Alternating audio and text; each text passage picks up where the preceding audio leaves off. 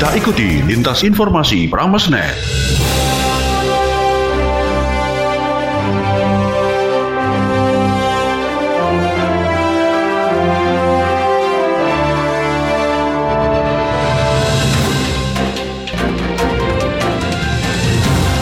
Selamat pagi, kita jumpa kembali dengan lintas informasi Pramesnet edisi Jumat 11 Juni 2021 bersama saya Rara Rahasia FM. Siaran ini diikuti oleh 103,9 FM Prameswara Lamongan, 104,5 FM Bahana Ngawi, 90,6 FM Rasi Magetan dan 97,8 FM Radio Ronggo Hadi Lamongan. Baiklah sobat, kita awali informasi pertama dari Magetan. Silaturahim ke kantor bupati ini yang disampaikan pengurus PGRI Magetan. Selengkapnya kita sudah terhubung dengan reporter Radio Rasi FM Adi Mas. Baik, terima kasih Sobat. Pengurus Persatuan Guru Republik Indonesia PGRI Kabupaten Magetan melakukan kunjungan kerja ke kantor Bupati Magetan. Rombongan pengurus PGRI Kabupaten Magetan diterima langsung oleh Bupati Magetan Suprawoto di ruang jamuan kantor Bupati Magetan.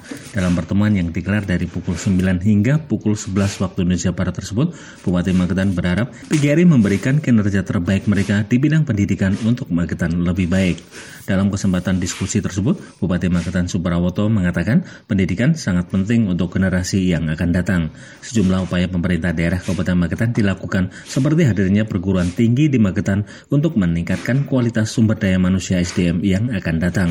Dengan pendidikan, menurut Bupati Magetan, generasi muda Magetan akan mempunyai harapan lebih baik di masa yang akan datang. PGRI sebagai organisasi uh, guru ya yang uh, telah uh, malang melintang kemudian usianya sudah cukup uh, lama, oleh sebab itu kontribusinya tidak diragukan lagi.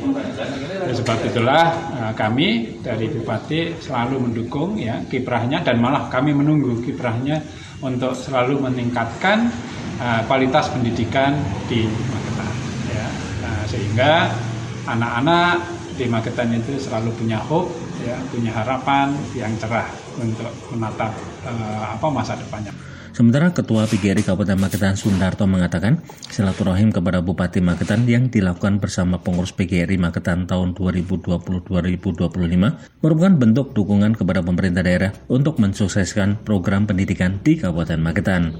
Melalui pengurusan PGRI tahun 2020-2025, dia berharap bisa membantu pemerintah daerah untuk mengantisipasi kelangkaan guru yang ada di Magetan pada tahun 2024 mendatang. Kita berusaha untuk mendukung program pemerintah sehingga kita memang selalu koordinasi terkait hal-hal yang barangkali bisa kita maksimalkan dari organisasi profesi membantu mengurai dari permasalahan pendidikan di Magetan. Dari PGRI menyampaikan beberapa hal terkait dengan uh, ikut mengurai itu. Salah satu di antaranya adalah bagaimana ke depan uh, pemerintah daerah uh, dengan segala apa yang kewenangan dimilikinya bisa memprogramkan uh, kekurangan guru yang selama ini uh, kita rasakan bahwa sampai tahun 2024 nanti memang sudah banyak guru yang pensiun. Untuk itu kami berharap pemerintah daerah melalui kewenangannya itu uh, melalui litbangnya itu bisa memprogramkan dua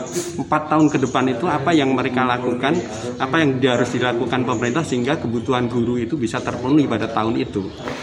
Saat ini setiap bulan kurang lebih 25 hingga 35 guru di Magetan memasuki masa pensiun. Hingga tahun 2024 diperkirakan akan ada 1000 guru yang akan menjalani masa pensiun. Hal tersebut tidak sebanding dengan formasi tenaga pendidik yang dialokasikan pemerintah pusat ke Magetan. Tahun ini, Kabupaten Magetan menerima kuota 387 kuota formasi guru. Dari Kabupaten Magetan, Adima Sukocora FM melaporkan. Kita kembali ke studio. Adimas, reporter dari Radio Rasi FM Magetan. Selanjutnya, kita menuju Lamongan. Lamongan tangani COVID-19 dengan sinergitas tiga pilar. Selengkapnya, kita sudah terhubung dengan reporter radio Prameswara Lamongan, Kiki. Baik, terima kasih. Sobat Panglima Tentara Nasional Indonesia, Marsikal Hadi Cahyanto bersama Kepala Kepolisian Negara Republik Indonesia, Jenderal Listio Sigit Prabowo, Kepala Badan Nasional Penanggulangan Bencana Legend Ganip Warsito, didampingi Gubernur Jatim Kofifa Indar Parawansa, Pangdam 5 Brawijaya Majen TNI Suharyanto, dan Kapolda Jatim Inspektur Jenderal Polisi Niko Avinta melaksanakan kunjungan kerja di Kabupaten Lamongan Lamongan pada Kamis kemarin. Kunjungan ini dilaksanakan dengan tujuan untuk mengetahui dan melihat secara langsung penanganan klaster COVID di Desa Sidodowo, Kecamatan Modo. Diungkapkan Panglima TNI Marsikal Hadi Cahyanto bahwa di Lamongan sudah dilaksanakan tindakan mitigasi sesuai dengan prosedur yang ada. Namun, Marsikal Hadi juga mengingatkan tiga pilar yang dalam hal ini Bupati Lamongan Yuronur Effendi dan Dim 0812 Letkol Infanteri Sidik Wiono dan Kapolres AKBP Miko Indrayana untuk tetap menjaga protokol kesehatan dengan mengingatkan masyarakat menggunakan masker. Selain itu, memperbanyak tracing sebagai deteksi dini terhadap ancaman. Juga meningkatkan monitor dan evaluasi dengan meningkatkan fungsi PPKM Mikro, terus memperhatikan jumlah bor, tenaga kesehatan, dan tempat isolasi, serta melaksanakan vaksinasi. Kapolri Jenderal Listio Sigit juga mengungkapkan hal yang sama. Beliau mengapresiasi manajemen dan penanganan yang dilakukan di Lamongan. Selain itu, Jenderal Listio Sigit juga meminta tiga pilar untuk memonitoring dan memberikan dukungan terhadap pelaksanaan PPKM Mikro, termasuk terkait pendistribusian bantuan sosial. Selain itu juga mendorong percepatan pelaksanaan vaksinasi massal. Pada kesempatan yang sama, Bupati Yuranur Effendi memaparkan terkait sinergitas tiga pilar di Kabupaten Lamongan dalam penanganan COVID-19.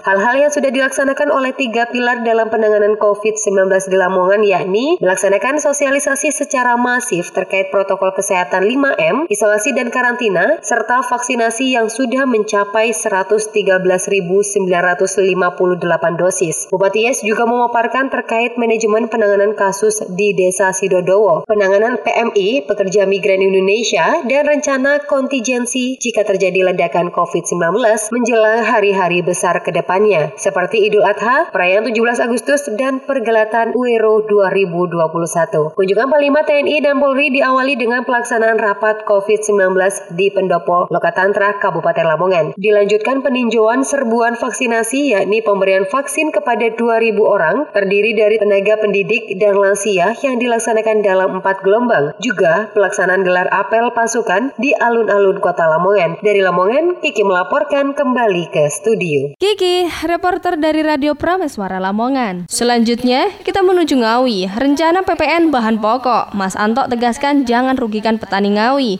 Selengkapnya, kita sudah terhubung dengan reporter radio Bahana Ngawi, Ardian. Ya, terima kasih dari Ngawi, Ardian melaporkan. Sobat, wacana kebijakan pemerintah untuk mengenakan pajak pertambahan nilai atau PPN pada 11 bahan pokok ditanggapi serius oleh Wakil Bupati Ngawi, Dwi Ranto Jatmiko. Antok Sapan akrabnya mengatakan, bila PPN dikenakan, hal itu harus bisa menambah ataupun memberikan dampak positif pada petani dan mereka yang bekerja di sektor hulu pertanian. Kabupaten Ngawi sebagai daerah agraris dan termasuk lumbung pangan bagi Provinsi Jawa Timur dan secara nasional patut mencermati pengenaan PPN pada produk-produk pertanian dan perkebunan. Terlebih lagi, dua bidang tersebut mempunyai konsentrasi khusus dalam pembangunan sesuai visi misi kepala daerah. Sobat, jika hal ini diterapkan, pengenaan PPN terhadap bahan pokok adalah yang pertama kalinya dilakukan oleh pemerintah. Hal ini harus menjadi perbincangan sampai daerah, terutama yang memiliki potensi menonjol bidang pertanian, perkebunan, dan perikanan. Di Ngawi, penduduknya mayoritas petani dan buruh tani.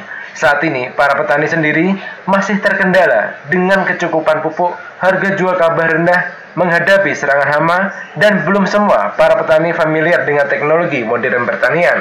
Sobat, sedangkan Pemkap Ngawi tengah intensif melaksanakan program pertanian organik terpadu berkelanjutan dengan prioritas utama padi, jagung, dan kedelai.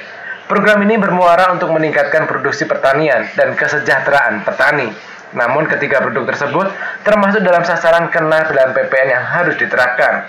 Pihaknya mengharapkan apabila kebijakan pemerintah PPN pada bahan pangan jadi diterapkan, semoga tidak akan mematahkan upaya peningkatan kesejahteraan petani. Sobat, ada 11 bahan pokok yang bakal dikenakan PPN yakni beras, gabah, jagung, sagu, kedelai, garam, daging, telur, susu, sayuran, dan buah-buahan. Demikian yang dapat kami informasikan dari Ngawi, kita kembali ke studio, silahkan. Ardian, reporter dari Radio Bahana Ngawi. Selanjutnya, kita kembali lagi ke Lamongan. Lokasi pelaksanaan tes CPNS di Karisidenan Lamongan belum ditentukan. Selengkapnya, kita sudah terhubung dengan reporter radio Ronggo Hadi Lamongan, Novi. Baik, Sobat, pelaksanaan seleksi CPNS serta pegawai pemerintah dengan perjanjian kerja atau PPPK sudah dipastikan mundur. Hingga kini, Badan Kepegawaian dan Pengembangan Sumber Daya Manusia Lamongan belum mengetahui sampai kapan pengunduran jadwal dilakukan. Bahkan lokasi pelaksanaan tersebut juga belum dipastikan.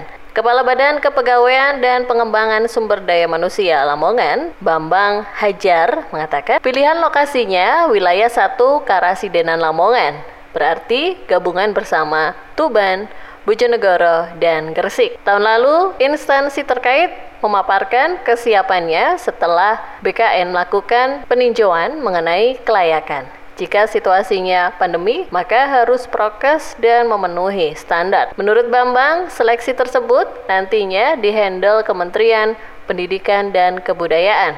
Dia juga menjelaskan untuk seleksi CPNS, kewenangannya BKN, namun daerah tetap dilibatkan dalam prosesnya. Dia mencontohkan pelaksanaan seleksi sebelumnya yang diselenggarakan di Lamongan. Dari Lamongan, Novi melaporkan kembali ke studio. Novi, reporter dari Radio Ronggo Hadi Lamongan. Demikian tadi baru saja Anda ikuti Lintas Informasi Pramesnet. Siaran ini dapat Anda simak setiap hari Senin sampai Jumat jam 10 pagi dan jam 4 sore. Saya Rara bersama tim redaksi yang bertugas mengucapkan selamat pagi, sampai jumpa. Demikian tadi telah Anda ikuti Lintas Informasi Pramesnet. Informasi ini dapat Anda simak di 103,9 FM Prameswara Lamongan, 104,5 FM Bahana Ngawi, 90,6 FM Rasi Magetan, dan 97,8 FM Ronggo Hadi Lamongan.